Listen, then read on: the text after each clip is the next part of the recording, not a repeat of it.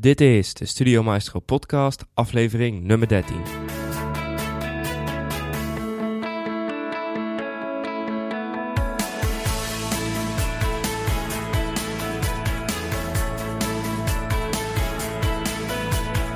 Welkom allemaal, mijn naam is Dennis van Leeuwen en leuk dat jullie erbij zijn. Vandaag hebben we een speciale gast in de uitzending. Zijn naam is Thijs Lindhout en Thijs heeft twee bedrijven. Zijn eerste bedrijf is de 100% Thijs Show. Dat is een theatervoorstelling waarin hij mensen inspireert om het ultieme uit het leven te halen. En daarnaast heeft hij zijn bedrijf CO2 Seminar. En het leuke van dit bedrijf is, is dat hij verschillende internetmarketingtechnieken toepast om zijn bedrijf te laten groeien. Hierin doet hij veel met e-mailmarketing en heeft hij gratis seminars als uh, marketing tool ingezet. Dus ik ben natuurlijk hartstikke benieuwd wat jullie van deze optie vinden. Dus voor nu gaan we meteen het interview induiken. Veel plezier. Welkom Thijs, hoe is het ermee? Yes, ja gaat best lekker. Uh, intens, laatste tijd. Veel te doen. Maar uh, vannacht heerlijk geslapen, negen uurtjes gepakt. Kijk, dus, lekker. Ik kan niet anders zeggen. Mooi, goed om te horen. Hij geeft aan intens, met veel dingen bezig dan? Ja, absoluut. Ik uh, kan wel zeggen dat, ik een soort van dubbel leven leid. Aan de, aan de ene kant ben ik uh, directeur en eigenaar van een groot, uh, nou groot, van een uh, adviesbureau. En aan de andere kant ben ik theatermaker. Dus een paar keer per jaar sta ik in een theater met mijn eigen show. En dat is dan ook meteen mijn grootste uitdaging om die twee te combineren. En om niet mijn focus te laten verglippen, zeg maar. Dat ik me alleen maar op het ene focus en dan het andere een beetje uh, loslaat. Of andersom. En je merkt ook wel dat die theatershow, om eerlijk te zijn, dat is net even een tikje leuker. En uh, dat is gewoon kicken, gaaf, echt het leven van mijn droom op het podium staan. Nou, dan sta ik gewoon te stuiteren van de energie en van geluk. Uh, dus dat is net een tikje leuker dan het bouwen aan een bedrijf. Maar je kan denk ik ook wel voorstellen dat dan bouwen aan een bedrijf levert er net iets meer euro's op. Sterker nog, die theatershow kost alleen maar geld. Dan had ik niet eens kunnen doen als ik het bedrijf niet had. Dus en dan merk je toch dat je in de dagelijkse hectiek, dat je focus eerder glijdt naar um, hetgeen wat meer geld oplevert. Dat is toch op de een of andere manier een grotere magneet in de dagelijkse hectiek. Dan hetgeen wat misschien je hogere droom is. Ja, precies. Want je geeft aan dat je een adviesbureau hebt en een theatervoorstelling. Ja. Kun je daar iets meer over vertellen? Wat je daar precies doet? Yes, over die theatervoorstelling. Ja, bijvoorbeeld, ja. Ja, zeker. Ja, ik, um, um, in één zin samengevat, uh, is het eigenlijk een, een soort van uh, hilarische samenvatting van mijn zoektocht, mijn persoonlijke zoektocht naar geluk en succes in het leven. En uh, die zoektocht is eigenlijk een jaartje of vijf geleden ontstaan. Ik uh, werkte bij een groot ingenieursbureau en eigenlijk was ik, wat je wel zou kunnen noemen, slachtoffer van het leven. Gewoon slachtoffer van alsmaar ja zeggen op alle keuzes die andere mensen voor jou maken. Dus nou, dat begint dan hè, bij, uh, je bent 12, ben je klaar met je, met je basisschool, dan ga je naar de middelbare school, dan moet je twee jaar later moet een profiel kiezen. Dan kies je maar natuur en techniek, want je, je hebt meer met alfa, uh, of meer met beta dan met alfa. Uh, daarna ben je, ben je 17, moet je een opleiding kiezen. Ja, geen idee wat je moet doen. En dan zeggen mensen: Ja, jij moet nooit voor een baas gaan werken. Je moet voor jezelf beginnen. Dus uh, doe maar iets van bedrijfskunde. Nou, toen koos ik maar bedrijfskunde. uh, ergens gaandeweg um, werd ik heel gepassioneerd over drummen. Ging ik in beentjes zitten, heel veel drummen. Heel vaak wilde ik stoppen met mijn studie. Ondanks dat het gewoon wel oké okay ging qua cijfers en zo. Maar die, die studie, studieschuld die dan boven mijn hoofd hing, als je je studie niet afmaakt, dat was eigenlijk een reden voor mij om toch maar door te gaan. En uh, ik zeg altijd gekscherend dat ik soort van cum fraude nog mijn studie heb gehaald. Overal wat uh, bij elkaar gesprokkeld. En een, uh, nou ja, kan nog een mooi verhaal vertellen over een stage waarbij ik een soort van het midden kan laten of ik hier nou werkelijk heb gelopen of niet. Maar ik heb in elk geval 30 punten ervoor gekregen. um, ik heb lekker veel kunnen drummen dat halfjaartje. Nou, uiteindelijk is mijn studie gehaald en dan ben je 21. En uh, ik had afgestudeerd bij een uh, groot ingenieursbureau. Daar boden ze me een baan aan. En dit was in 2000, uh, wat was het? 2009. Dus zeg maar midden in de crisis. En uh, ik kreeg een fulltime baan aangeboden. Uh, even kijken, ja klopt. En toen zei ik nee, ik wil 24 uur werken. Want ik wil nog twee dagen per week drummen. Nou, Ja. ze wisten echt niet wat ze hoorden van... begrijp je wel wat we je aanbieden? Wij zijn DHV, een van de bekendste ingenieursbureaus van Je mag fulltime werken.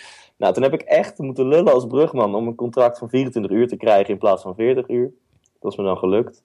Ja, en voor ik het wist, stond er milieuadviseur op mijn kaartje en was ik 21. En wat, vond ik het wel stoer richting mijn vrienden van kijk eens, milieuadviseur.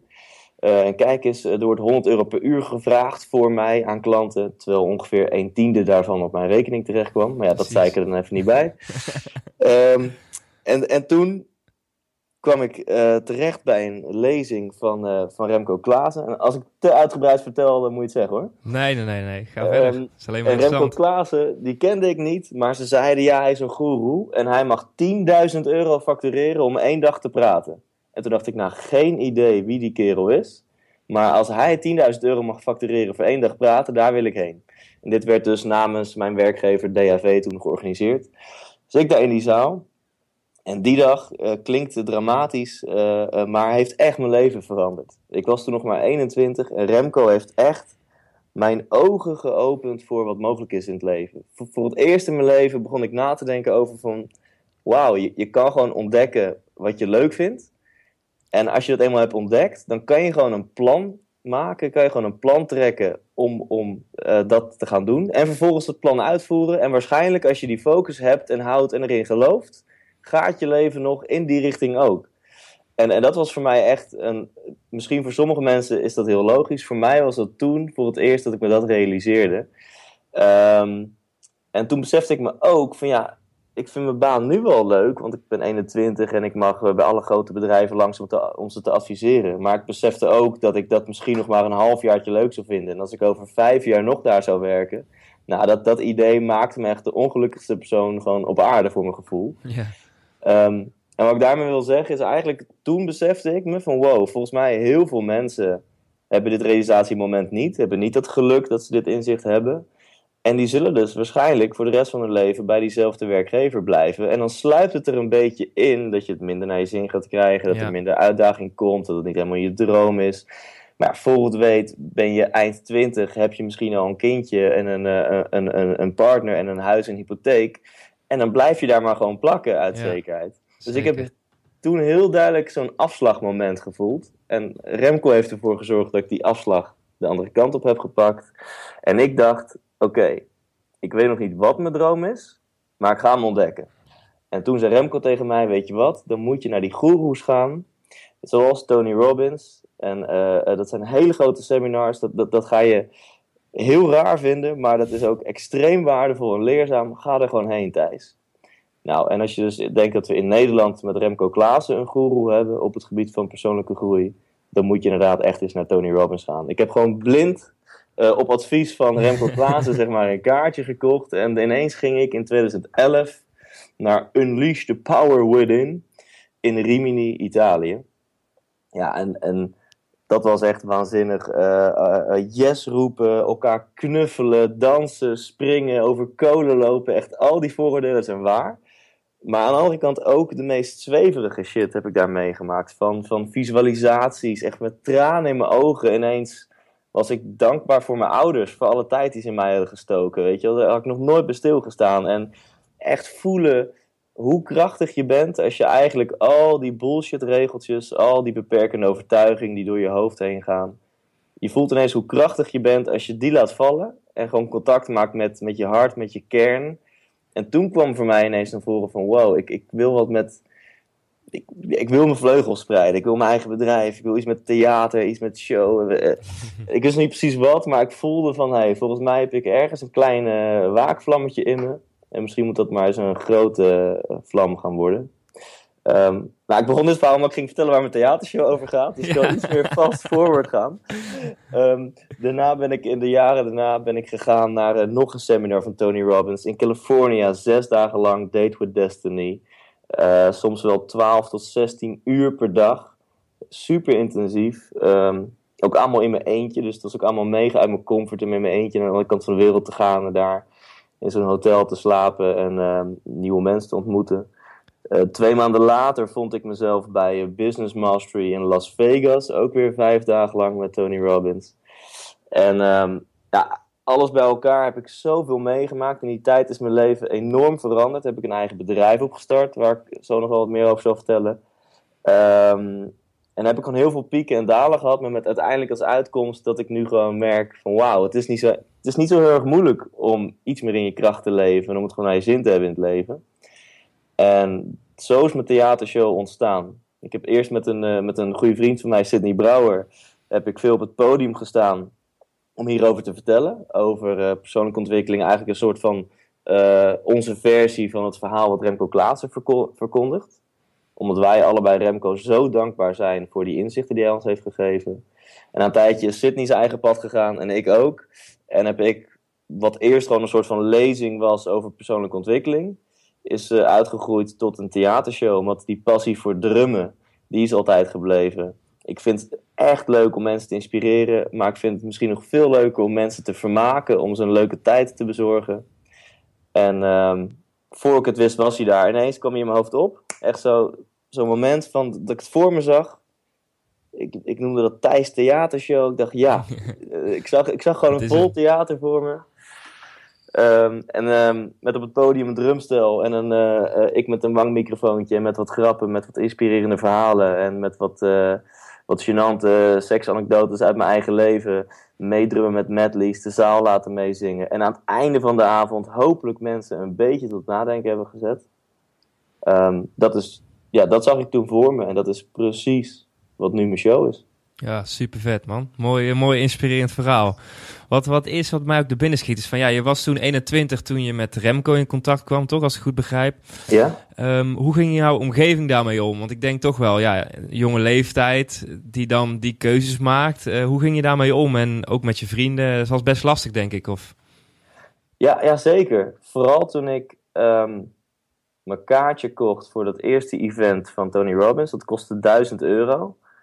En ik was toen dus 21 en mijn vrienden begrepen er geen reet van. Dat ging echt mijn hele vriendengroep rond. Dan heb je het al gehoord. Die malle Thijs, die geeft gewoon 1000 euro uit aan een kaartje voor een event. Weet je wel, in mijn vriendengroep gaf je misschien maximaal 100 euro uit aan Lowlands of zo. Maar ja, ja. 1000 euro om eigenlijk naar een soort van uh, lang college te gaan van vier dagen lang. Want zo zagen zij dat. Um, en ja, dat is eigenlijk wel een hele leuke vraag. Want ik merkte in het begin, ik kwam terug en dan, ja, ik heb dat seminar meegemaakt. Mijn vrienden niet. Dus ik ben echt van top tot teen echt aangezet, zeg maar. Echt letterlijk. Dat je gewoon uh, met een soort van, van twinkeling in je ogen weer terugkomt. En, en zoveel dingen anders wil doen. Van voeding tot aan relaties, tot aan business. Uh, en, en meer vanuit mijn hart leven, et cetera. En ik merkte in mijn vriendengroep echt zoveel weerstand. En eigenlijk wilde zij me weer terugduwen in het oude leven wat ik had. Want, want zo kenden ze Thijs. En uh, ze vonden het maar raar en ze vonden het onzin dat zo'n Amerikaan zoveel geld moest vragen. En alleen maar vooroordelen natuurlijk over, uh, ja. die Tony Robbins en dat seminar. Um, maar later heb ik geleerd dat als jij verandert of als je een grote stap wil maken in je leven, zoals misschien het beginnen van je eigen business, zoals het op, opgeven van je baan, het opgeven van je zekerheid. Als je op het punt zit om zo'n stap te maken, dan zullen juist de mensen die het meeste van je houden, die zullen jou vaak het meeste adviseren om dat niet te doen. Om te blijven waar je bent.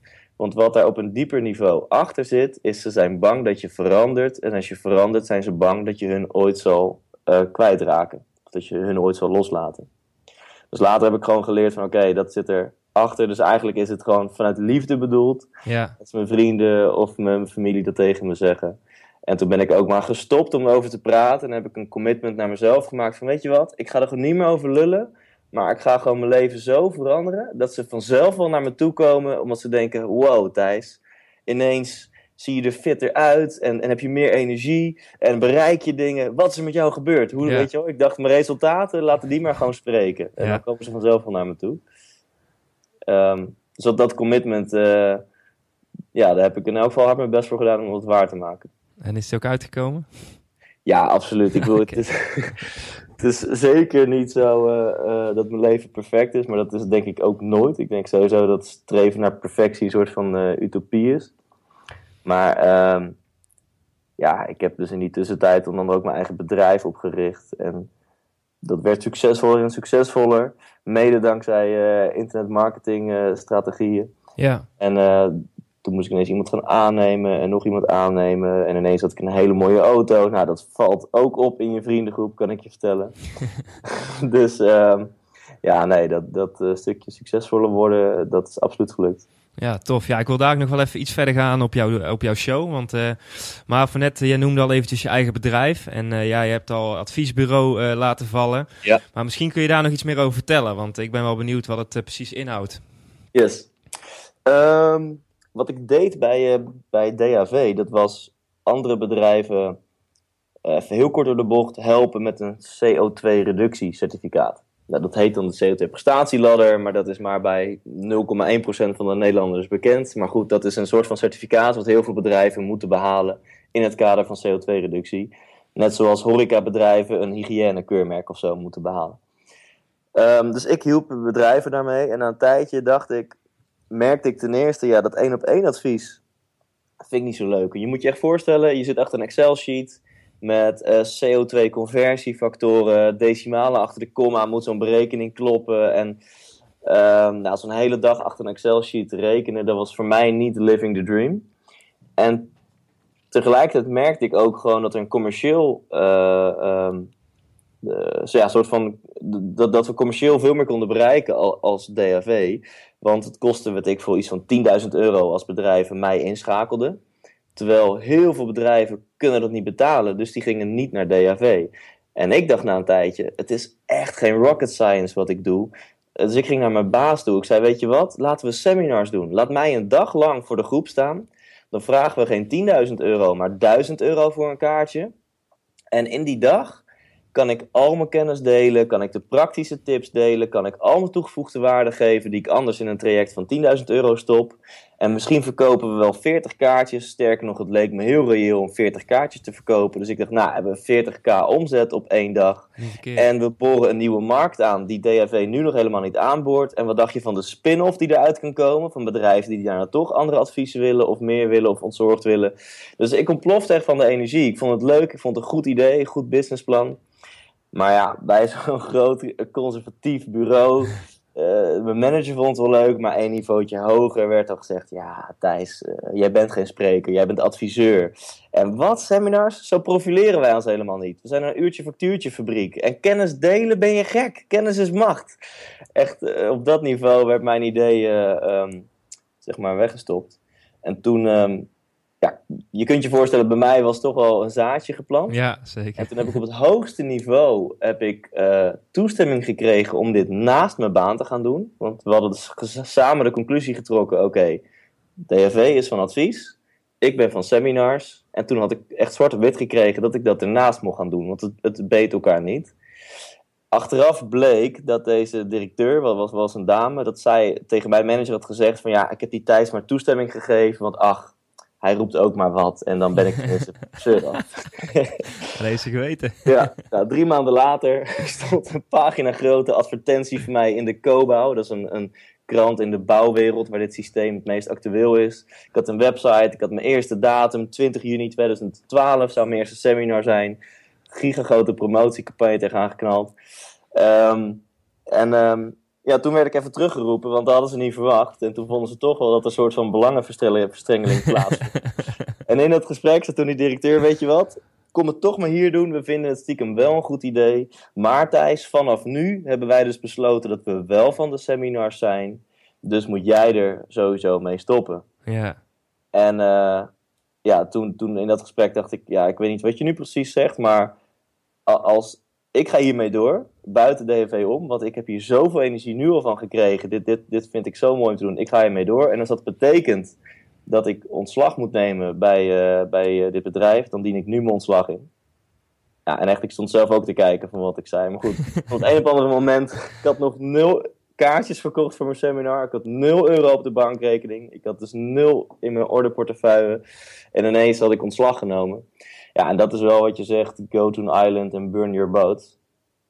Um, en toen heb ik uh, echt een helse periode gehad van twee maanden lang alleen maar cold calls. Dus echt gewoon lijsten verzamelen van potentiële klanten en bellen en bellen en bellen. En wist je dat ze het hadden een belangrijk certificaat en 1000 euro advies kost. En mijn seminar nu geen 1000 euro, maar 500 euro. Eenmalige korting. Echt op die manier, weet je wel. Um, het was me gelukt om iets van 12 kaartjes te verkopen. Dus wel 6000 euro omzet. Maar als je dat vergeleek met advertentiekosten, laat staan uren die ik erin had gestoken. Ja, ja was dat niet echt een comfortabele manier van, uh, uh, van geld verdienen. Dus daarna dacht ik, dit moet anders kunnen, dit moet beter kunnen. Ik, uh, ik, ben geen, ik heb niet al die ondernemerskills, dus ik moet gewoon gaan leren van mensen die dat wel hebben. En toen um, heb ik bedacht, laat ik er ook maar meteen naar de beste gaan. En voor mijn gevoel was dat onder andere in Nederland Ilko de Boer.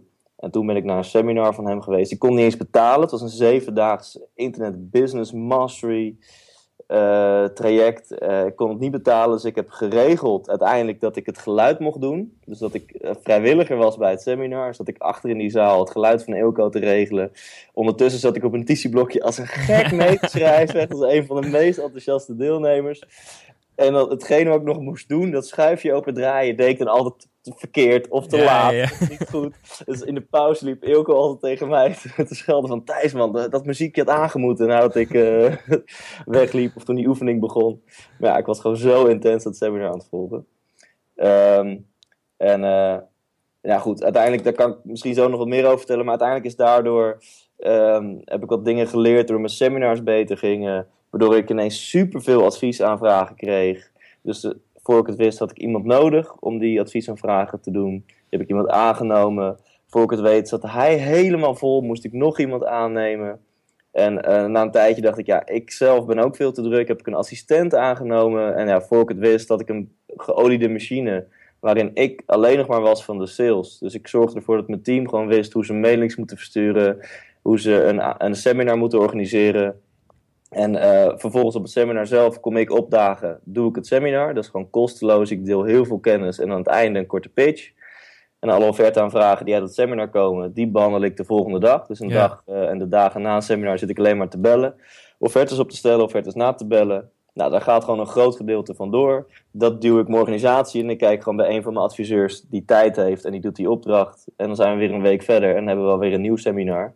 En zo, dat is een beetje de, de, de salesmachine van, uh, van mijn bedrijf. En daarom ben ik in 2012 begonnen en hebben we nu negen man in totaal. Okay. dat is wel echt bizar als je kijkt hoe snel uh, zijn gegroeid. Ja, vet man. Ja, en je hebt het al, je hebt het net al gehad over dat seminar is een belangrijk onderdeel van jullie bedrijf. En jouw eerste seminar gaf je in 2012. Hoe lang duurde het voordat je het tweede seminar gaf? En wat was het grootste verschil in de aanloop ja. Was dat seminar succesvoller omdat je uiteindelijk veel bent gaan, bent gaan groeien? Of wat zijn de factoren geweest waardoor je zo bent gaan groeien? Ja, dat is echt een mega goede vraag. Want um, inderdaad, die, die twee maanden cold callen, dat was de aanloop naar mijn eerste seminar. Dat was een hel. Dat, ik dacht, dit kan ik niet. Uh, dit is geen model wat ik kan vergroten. dit moet ik niet nog een keer doen. Toen, um, dat was juni 2012. Toen ben ik Internet Business Mastery gaan volgen.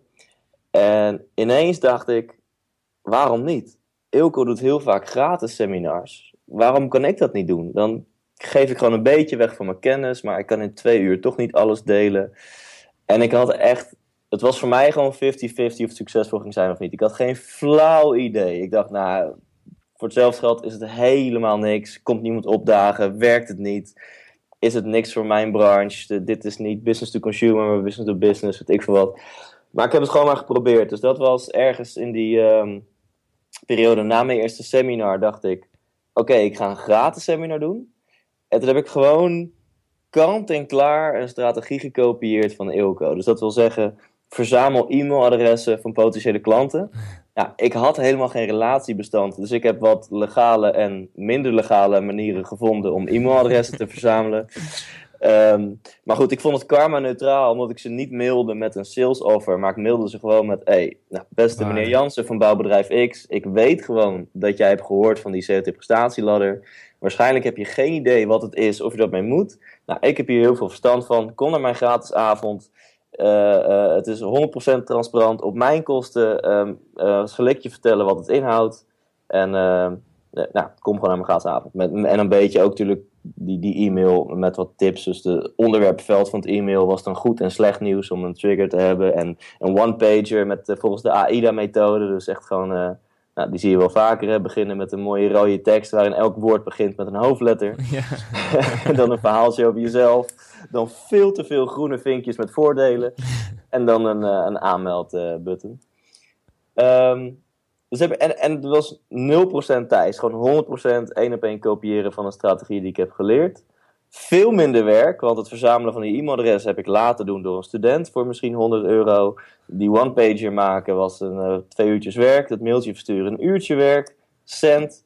En ik had 30 aanmeldingen voor mijn eerste gratis avondseminar. Nou, kan je wel vertellen, die dag van het seminar piste ik echt in mijn broek.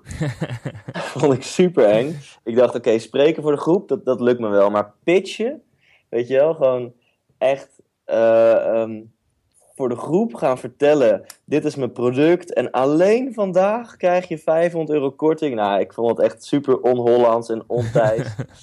maar goed, ik heb dat seminar gedaan, uh, dan een tijdje die pitch gedaan. Ik, ik zei ook letterlijk tegen de zaal van, oh jongens, ik vind dit zo erg. Ik vind dit uh, gewoon, om, om de weerstand of zo weg te nemen bij mezelf, ook gewoon opengooien van, ja jongens, ik vind het ook verschrikkelijk dat ik niet moet pitchen, maar... Uh, nou, toen pitchte ik een product van... Ehm, van 2000 euro, waar dus onder andere een kaartje voor mijn volgende seminar in zat.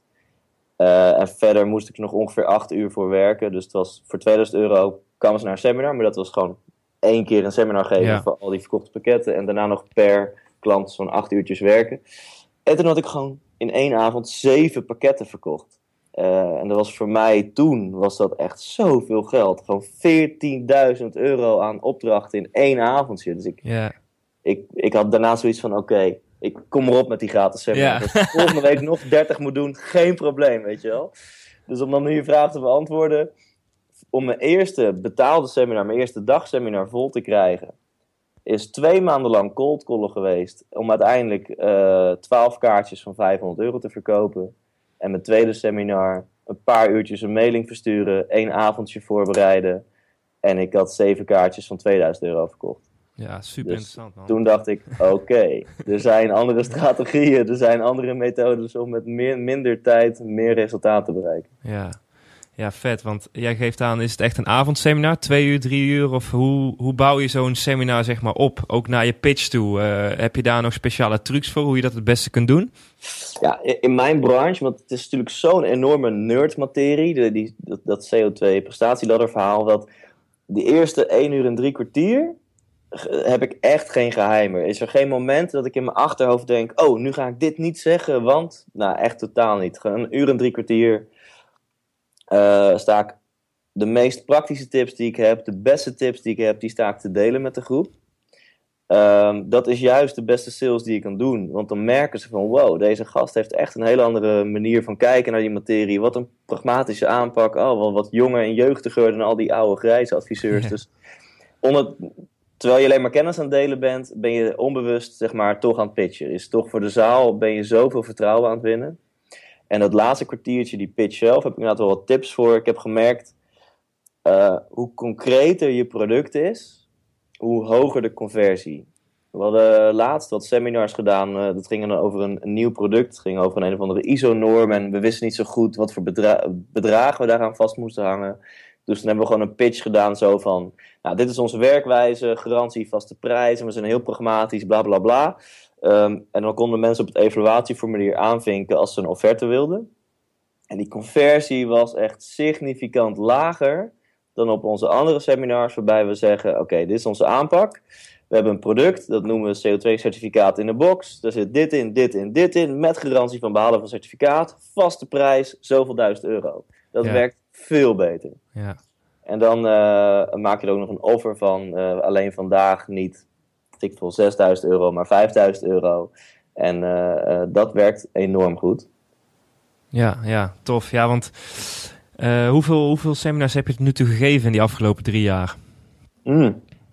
Ik zou eens moeten tellen, maar ik, ik haal zeker de Zeker dus de 50, 60. Ah, oké, ja, super interessant. Want kijk, je hebt natuurlijk die, die in, de, in het tweede seminar heb je al bij spreken een beetje de code gekraakt. Hoe is die strategie geëvalueerd naar uh, hoe jullie nu uh, mensen binnenhalen voor jullie seminars? Is daar, zijn daar nog dingen in aangepast of heb je daar onderdelen aan toegevoegd? Um, ja, we zijn wel professioneler geworden. Dus dat, we, dat je gewoon alle cijfers bijhoudt van oké, hoeveel duizend e-mailadressen hebben we? Hoeveel mensen schrijven zich in voor het seminar? Hoeveel komen werkelijk opdagen? Je hebt natuurlijk altijd no-shows bij gratis seminar. Ja. Hoeveel vragen een offerte aan en hoeveel van die offerte aanvragen gaan door? En als je die hele rekensom weet en je weet ook van die opdrachten die doorgaan, hoeveel euro is dat per opdracht, dan kun je weer helemaal teruggaan en dus uitrekenen, oké, elk e-mailadres levert ons dus zoveel euro op. Ja. Um, en als je zo berekent, dan is het eigenlijk gewoon een simpele formule van hoe meer e-mailadressen, hoe meer omzet. Ja. Uh, dus, dus we leggen daar wel echt onze focus. Dat, dat doet uh, een stagiair nu voor ons. Die is continu aan het kijken van, hey, kunnen we nog meer adressen verzamelen en hoe kunnen we dat doen? En uh, proberen zoveel mogelijk, um, ja, hoe zeg je dat? Ik, ik wil niet echt van die illegale massamailings versturen, super ongevraagd. Dus ik probeer zoveel mogelijk nog, zeg maar, wel aan het, aan het de reasonable kant te blijven van van uh, actieve marketing, zeg maar. Ja. En op zich lukt dat heel goed, want het zijn super vriendelijke mailtjes die we sturen. Echt drie regels of zo. Uh, oh, mijn lamp moet weer aan. Zo. Uh, drie regels van kom naar ons seminar en vind je dit mailtje niet fijn, klik dan hier, dan zullen we je nooit meer mailen. Dus eigenlijk zelfs een beetje tegen sommige wetten in. Dat in een van de eerste regels van ons mailtje staat al een unsubscribe button. Maar omdat het niet altijd gevraagde mailtjes zijn, vinden we dat wel fair om te doen. Ja, dus precies. aan de ene kant hebben we gewoon nu iemand eigenlijk fulltime zitten op zoveel mogelijk e-mailadressen verzamelen. En verder is het per schakel gewoon blijven kijken van ja, hoe kan je, als we 10.000 mails versturen, waarom hebben we maar 30 aanmeldingen? Is, is die tekst van mailtje niet goed? Is die landingspagina niet goed? Uh, en als we, uh, even kijken, 30 aanmeldingen hebben, hoe komt het dan dat er maar 20 opkomen dagen? Sturen we te weinig reminders? Moeten we een sms-reminder gaan sturen? Moet ik misschien een videoboodschap van mijzelf sturen? Want ja, ik ben in onze branche ben ik zeg maar bekend, ik, kennen ze mij. En onze stagiairs niet. En die versturen die laatste e-mails. Dus ja. ik dacht, nou, misschien als ze van mij, van de spreker zelf, nog een video krijgen. Van, hey, superleuk dat je komt. Ik heb er zin in. Morgen, 7 uur, drie bergen, weet je wel. Um, en dat, dat helpt ook gewoon. En dan vervolgens op het seminar zelf kijk je ook, is, dat is eigenlijk natuurlijk de belangrijkste schakel. Als je 30 man in de zaal hebt, wil je het liefst gewoon 30 offerten aanvragen. Ja. Dat is, uh, dat is uh, nog nooit gelukt. Dat is een soort van uh, utopie. maar wel het liefst zoveel mogelijk. Um, dus daarin zijn we professioneler geworden. In know your numbers en, en aan elke schakel draaien. Verder is het eigenlijk wel grappig. Is het gewoon precies hetzelfde gebleven. Ja, ik ben niet meer zenuwachtig en mijn verhaal rolt er soepeler uit. En ik kan beter omgaan met vragen uit de zaal. Um, maar nog steeds, die twee uurtjes, die heb ik nu uh, 50 à 60 keer gedaan. Dat is gewoon nog steeds hetzelfde verhaal. Ja. Zo, uh, dat is wel grappig. Als iets eenmaal werkt, dan werkt het gewoon. Ja, ja super vet. Ja, wij hebben het er ook vaak over van uh, als, je, als iets lukt, dat je, het dan, dat je het dan vaak mee stopt. Maar ik vind het wel vet om te horen dat ja, bij jou gewoon iemand fulltime e-mailadres aan het verzamelen is. Dat hoor je niet zo snel bij Nee. wat traditionelere markten natuurlijk. Nee, dat nee. is natuurlijk ook ja, wat jouw bedrijf uniek maakt. Vet. En zijn er naast uh, die e-mailings nog andere specifieke technieken die jullie toepassen? Of is dit echt, uh, echt de basis? Um, qua marketing. Ja, qua marketing. Ja, wat wel, wat wel grappig is, maar dat is misschien niet echt een concrete tip voor elke business. Ik, ik zal het heel kort uitleggen zonder te veel in de, de nerdmaterie te raken. Maar uh, een van de eisen waar onze klanten aan moeten voldoen, is dat ze lid moeten worden van een stichting. En toen hebben wij een jaar geleden bedacht, waarom richten we niet onze eigen stichting op? En daar moeten ze ook gewoon contributie voor betalen, maar het is een stichting, dus het draait break-even. We doen vier keer per jaar met die stichting grote events. En we zorgen echt voor, in, in, in het land van CO2-reductie-events, dat ons event echt opvalt. Dus we Ja. hebben echt mensen gehad als Dolf Jansen, Helga van Leur, Femke Halsema, zelfs Katja Schuurman. Maar ook Marjan Minnesma, de vorige nummer 1 in de Duurzame 100. Maurits Groen, de huidige nummer 1 in de Duurzame 100. Op ons volgende event komt Jacqueline Kramer, voormalig minister van Milieu. Dus gewoon echt flink budget voor sprekers, dat ons event eventjes boven die andere events uitsteekt. Uh, maar we hebben inmiddels zoveel klanten en zoveel leden in die stichting, dat het gewoon uh, break-even draait, zelfs een beetje winst maakt. om een antwoord op je vraag te geven, wat we nooit hadden verwacht, nooit hadden zien aankomen, is dat we eigenlijk hebben vier keer per jaar gigantische klantrelatiedagen. Alle klanten van onze BV, van CO2 Seminar BV, komen naar het event van die stichting. Ja. Die stichting die verdient zichzelf, dus we hebben gratis, heb je vier keer per jaar, al je klanten in een ruimte. Nou, dat, dat is echt priceless. Uh, dat, dat zorgt zo erg voor het creëren van fans, voor een diepere relatie met de, met de klant. Uh, en natuurlijk op die events van die stichting zijn we ook niet te bescheiden om even eventjes te vertellen over onze nieuwe producten, nieuwe aanpak, nieuwe prijzen, weet ik wat. Dus uh, ja, ik zou niet weten hoe je dit voor elke business kan kopiëren. Maar dit, dit is wel grappig. dat Als je gewoon gas geeft en gewoon lef hebt en gewoon gaat, dan kunnen soms de voordelen uit andere hoeken komen dan je had verwacht, zeg maar. Ja, ja, vet om te horen. Is dat ook iets wat je echt mee hebt gekregen van die goeroes? Of, ehm, Ja, ja, ja zeker. ja, vet. Ja, want ik hoor eh, in jouw aanpak, vooral met de Thijs-show als eh, met CO2-seminar, dat je heel erg gericht bent op de events. Heb je dat gevoel altijd al gehad vanaf vroeger? Of is dat echt, of is dat door, weer door die goeroes gekomen? Of ja, waar komt dat vandaan? Ja, ja, wel grappig. Ehm,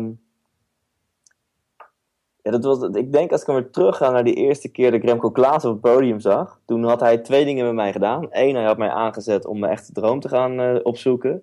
En twee, ik had het idee dat die droom toch ook wel verdomde dicht lag bij uh, hetgeen wat Remco Klaassen zelf doet. ik had echt zoiets van, oh, dat wil ik ook wel. En niet alleen wegens, vanwege de tarieven, maar gewoon het voor de groep staan, mensen grijpen, mensen inspireren. En daar ben ik eigenlijk wel gewoon verliefd op geworden. Op dat, ja, gewoon dat, ook, ik kan echt tranen in mijn ogen kijken, krijgen als ik kijk naar een groot concert van, van ACDC of wat dan ook op tv, weet je wel. Dan gewoon zo'n grote groep mensen die op één moment hetzelfde meemaakt, hetzelfde voelt, dat vind ik echt iets magisch.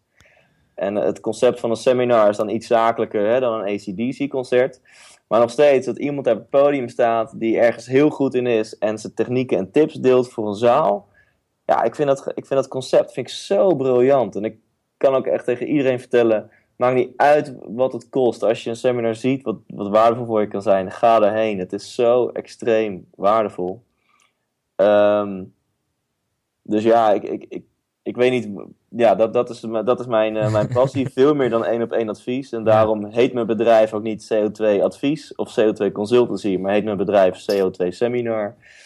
En um, inderdaad, wat je zegt, in een branche waarin het heel ongebruikelijk is om seminars en events te doen. Want het is gewoon een adviesbranche, gewoon een uurtje factuurtje branche waar we in zitten. Daar, in die branche doen wij gewoon tientallen seminars per jaar. En um, ja, dat komt, komt echt vanuit mijn passie. Het is ook wel geinig dat je dus gewoon een, een, passie hebt voor, voor spreken voor de groep, voor seminars. En een bedrijf begint in een branche waarin het heel ongebruikelijk is. En het wel gewoon doet. Ja. En dat het ook gewoon werkt. En dat, volgens mij is dat ook wel gewoon een bewijs dat heel veel van die internetmarketingwetten en zo, dat, dat die gewoon uh, ongeacht je business, ze, ze werken gewoon. Ja, ja, dat is ook vaak, uh, vaak het bezwaar wat ik krijg. Van, ja, het zou niet echt passen in onze branche. Maar ik denk juist, als je dat wel doet in je branche, dat er dan heel veel uithalen. Want dan ja. doet niemand er iets mee. Super interessant. Maar ja, je hebt nu zo vooral vertaald, verteld over uh, zeg maar de successen die je behaald hebt. Wat zijn echt dingen waar je tegenaan bent gelopen afgelopen periode? Ja, dat is um, uh, de, de, grootste uitdaging als je eenmaal mensen gaat aannemen. En je hoort trouwens heel vaak van, uh, dat is ook zo'n ondernemersgrap toch? Van ik wens je veel personeel. Ja, ja. Alleen maar, ja, personeel is echt het mooiste wat er is als je geen personeel hebt, dan blijf je voor de rest van je leven je tijd ruilen voor geld. En dat is volgens mij een hele slechte ruil. Ja. Um, uh, maar de, ik, ik, heb nu echt een super team. Echt, het is niet normaal. Ik ben zo dankbaar voor iedereen, van de stagiairs tot aan de adviseurs. Het niveau van commitment is zo ontiegelijk hoog. Dus dat is echt heel tof. Uh, maar ik heb ook echt wel eens fouten gemaakt. Dat ik iemand aannam, een ZZP'er, die, die wilde een bepaalde omzetgarantie. Die heb ik 18.000 euro omzetgarantie gegeven. Uh, uh, dat zou, hij, hij leek echt een toppertje te zijn. Op het gebied van kennis zat hij gewoon boven ons niveau. En ik dacht gewoon, wauw, dit is te gek. Hij, hij kan direct onze klanten helpen. We hoeven hem niet meer op te leiden. En het bleek gewoon voor geen meter te werken. Dus dan heb je net zo'n contract getekend en dan doet het werk niet goed. En vooral op het gebied van energie. Weet je, had gewoon een soort van. Ja, hij liet gewoon een negatieve energie achter bij onze klanten. En ook in ons team. En hij is meegeweest naar een bedrijfsuitje. En uh, dat, ik dacht, shit man, dit is gif in mijn bedrijf. um, en ik ben dan heel vaak veel te lief en veel te naïef. Dus dat is echt wel een struggle die ik heb meegemaakt. Van ja, ondernemen is niet altijd leuk. En als jij ja, zo stoer bent om directeur te zijn van een bedrijf, ja, dan hoort dit er ook gewoon bij. Dan moet je hier gewoon heel scherp op zijn. En als het niet werkt, en dan kost het maar heel veel geld. Maar dan moet je afscheid nemen van iemand. Dus dat is wel zeker een uitdaging. En ook nog steeds, omdat we zo, zeg maar, zo klein zijn. We hebben net weer iemand aangenomen. Dat is zeg maar nummer 9. Elke keer weer dat ik iemand aanneem, scheid ik in mijn broek van oké, onze vaste lasten gaan weer met zoveel duizend euro per maand omhoog. En uh, wat als we straks geen continuïteit hebben? Wat als de, de, de opdrachtenbulp ietsje minder wordt? Dus ja, ik rij in een mooie auto en ik ga een paar keer per jaar uh, op vakantie. Um, dat is wat je vrienden dan vooral zien. En, en het heeft ook echt een andere kant hoor. Dat je soms echt wel je hartslag omhoog gaat van, van alle risico's die je loopt. En uh, dat als de, de opdrachten eventjes niet meer binnenvallen zoals ze afgelopen tijd zijn binnengevallen. Ja, dan, dan zijn we ook snel geen winstgevend bedrijf meer. Nee, precies. Dat zijn zeker wel uitdagingen. Ja. ja, ik hoor je net zo mooi zeggen dat je super dankbaar bent voor het perfecte team wat je om je heen hebt gecreëerd. Um, hoe heb je dat voor elkaar gekregen? Zijn er nog speciale dingen die je daarin doet? Hoe je mensen meetrekt of probeert binnen te halen? Hoe krijg je die sfeer zo goed binnen?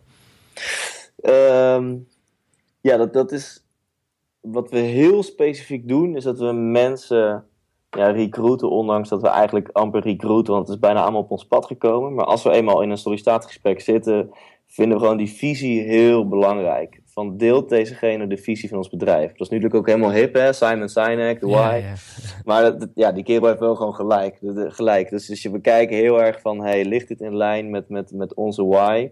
En wij zijn echt allemaal, uh, allemaal een groen hart. We zijn niet voor niks in de duurzame business gegaan. We vinden het echt belangrijk dat bedrijven wat gaan doen om de, onze aardbol gewoon leefbaar te houden. Want het gaat best wel slecht met de gezondheid van onze aardbol.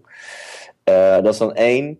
Maar we hebben ook een enorme speelse factor. Dus we kijken echt van, oké, hebben mensen dat groene hart? Zijn ze speels? Uh, hebben ze diezelfde pragmatische blik als wij?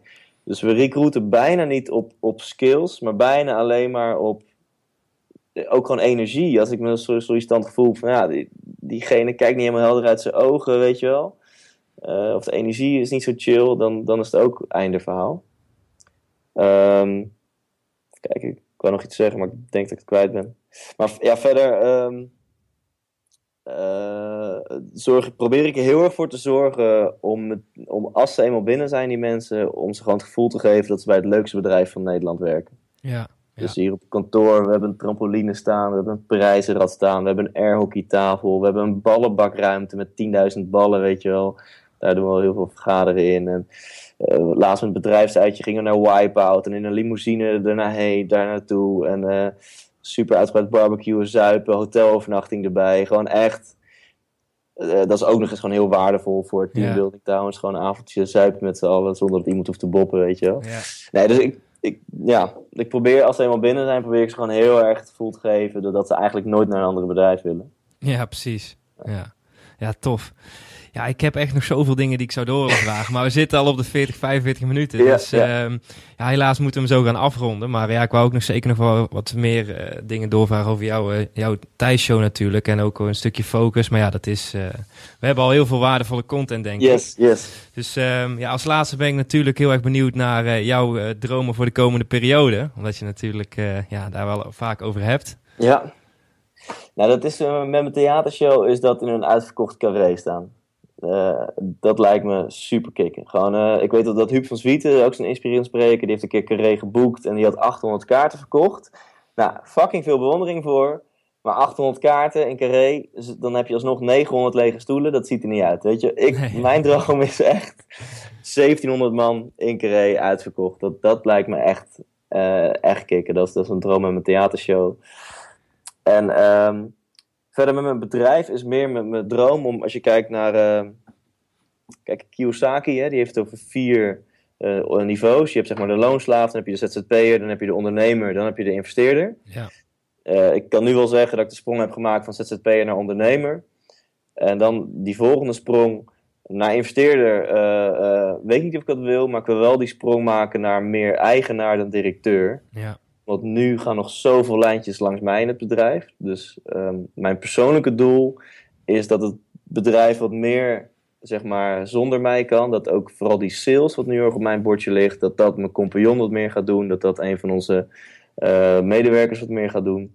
Zodat ik ook gewoon meer focus hou op mijn theatershow.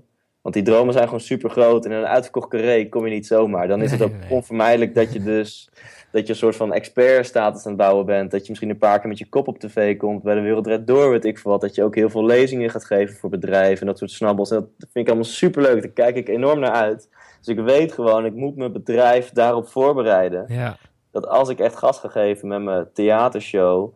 Dan werk ik niet meer 60 uur of 40 uur per week. Maar misschien nog maar 10 uur per week voor je bedrijf. Dan doe ik alleen nog maar die seminars of zo. Dus dat is voor mij persoonlijk een, uh, een droom verder, dat is misschien niet zo inspirerend, maar eerlijk gezegd voor mijn bedrijf zelf.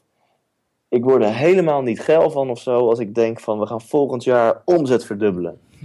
Eh, dat, dat, dat doet niks met me. Dan, dan denk ik, ja, maar als ik denk ik wil gewoon net zo'n leuk team hebben als nu en net zoveel energie eruit halen, dan ga ik wel aan. Um, nou, tot slot, wat dan wel weer grappig is om te vertellen. Ik las laatst dat Eelco voor zijn eigen mastermind heeft hij een, uh, uh, een lat liggen op de miljoen. Je moet minimaal een miljoen omzet doen. En, toen, en dan ineens, dat motiveert me wel. Toen ineens dacht ik, fuck it, 2016 ga ik een miljoen doen. Weet je wel? Uh, wat toch nog best wel een groei is ten opzichte van onze huidige situatie. En, en dus op dat soort manieren zou ik wel gemotiveerd kunnen worden. En, en dan weet ik ook zeker dat het me gaat lukken om een miljoen te doen in 2016. Oké. Nou, tof. Ik wil jou in ieder geval heel erg bedanken. En um, ja, als jij misschien uh, nog één laatste tip mee zou kunnen geven naar onze luisteraars en natuurlijk waar ze je kunnen vinden, dan uh, kunnen we hem daarna gaan afsluiten. Ja, ja één laatste tip zou gewoon zijn, neem actie. En uh, wees dan eerlijk naar jezelf of het werkt of niet. Want je kan zo lang in de twijfelmodus blijven zitten. En je komt er nooit achter totdat je het gewoon doet. En als je het doet, zijn er twee opties. Of het werkt en het geeft je meer energie en je leven wordt een stukje leuker. Ga er dan mee door. Of het maakt je leven een stukje minder leuk en kap er dan mee. dat is heel uh, simpel, maar ik, ik leef altijd zo'n overtuiging. Ik doe liever iets wel, dan heb ik een ervaring erbij. Ook al is dat een negatieve ervaring, dan dat ik dingen niet doe. Want dan, uh, dan hou je leven een beetje avontuurlijk en maak je veel mee. En is het uiteindelijk onvermijdelijk dat je gaat groeien. Oké, oké, okay. tof. Nou ja, heel erg bedankt. En uh, ja, misschien spreken we elkaar in de toekomst nog een keer. Oké, okay. graag gedaan. Thanks. Bedankt voor het luisteren. Hopelijk heb je genoten van het interview. En degene die misschien ook wel zelf een podcast willen starten, daarvoor hebben wij bij Studio Meister een gratis podcastcursus gemaakt. Deze kun je downloaden op studiomeister.nl slash podcast-cursus. Ik herhaal, studiomeister.nl slash podcast-cursus. En voor je het weet heb jij je eigen podcast online en kun jij ja, eigenlijk op dezelfde manier als mij mensen gaan interviewen of je eigen content delen. Dus voor nu, bedankt voor het luisteren en tot de volgende keer.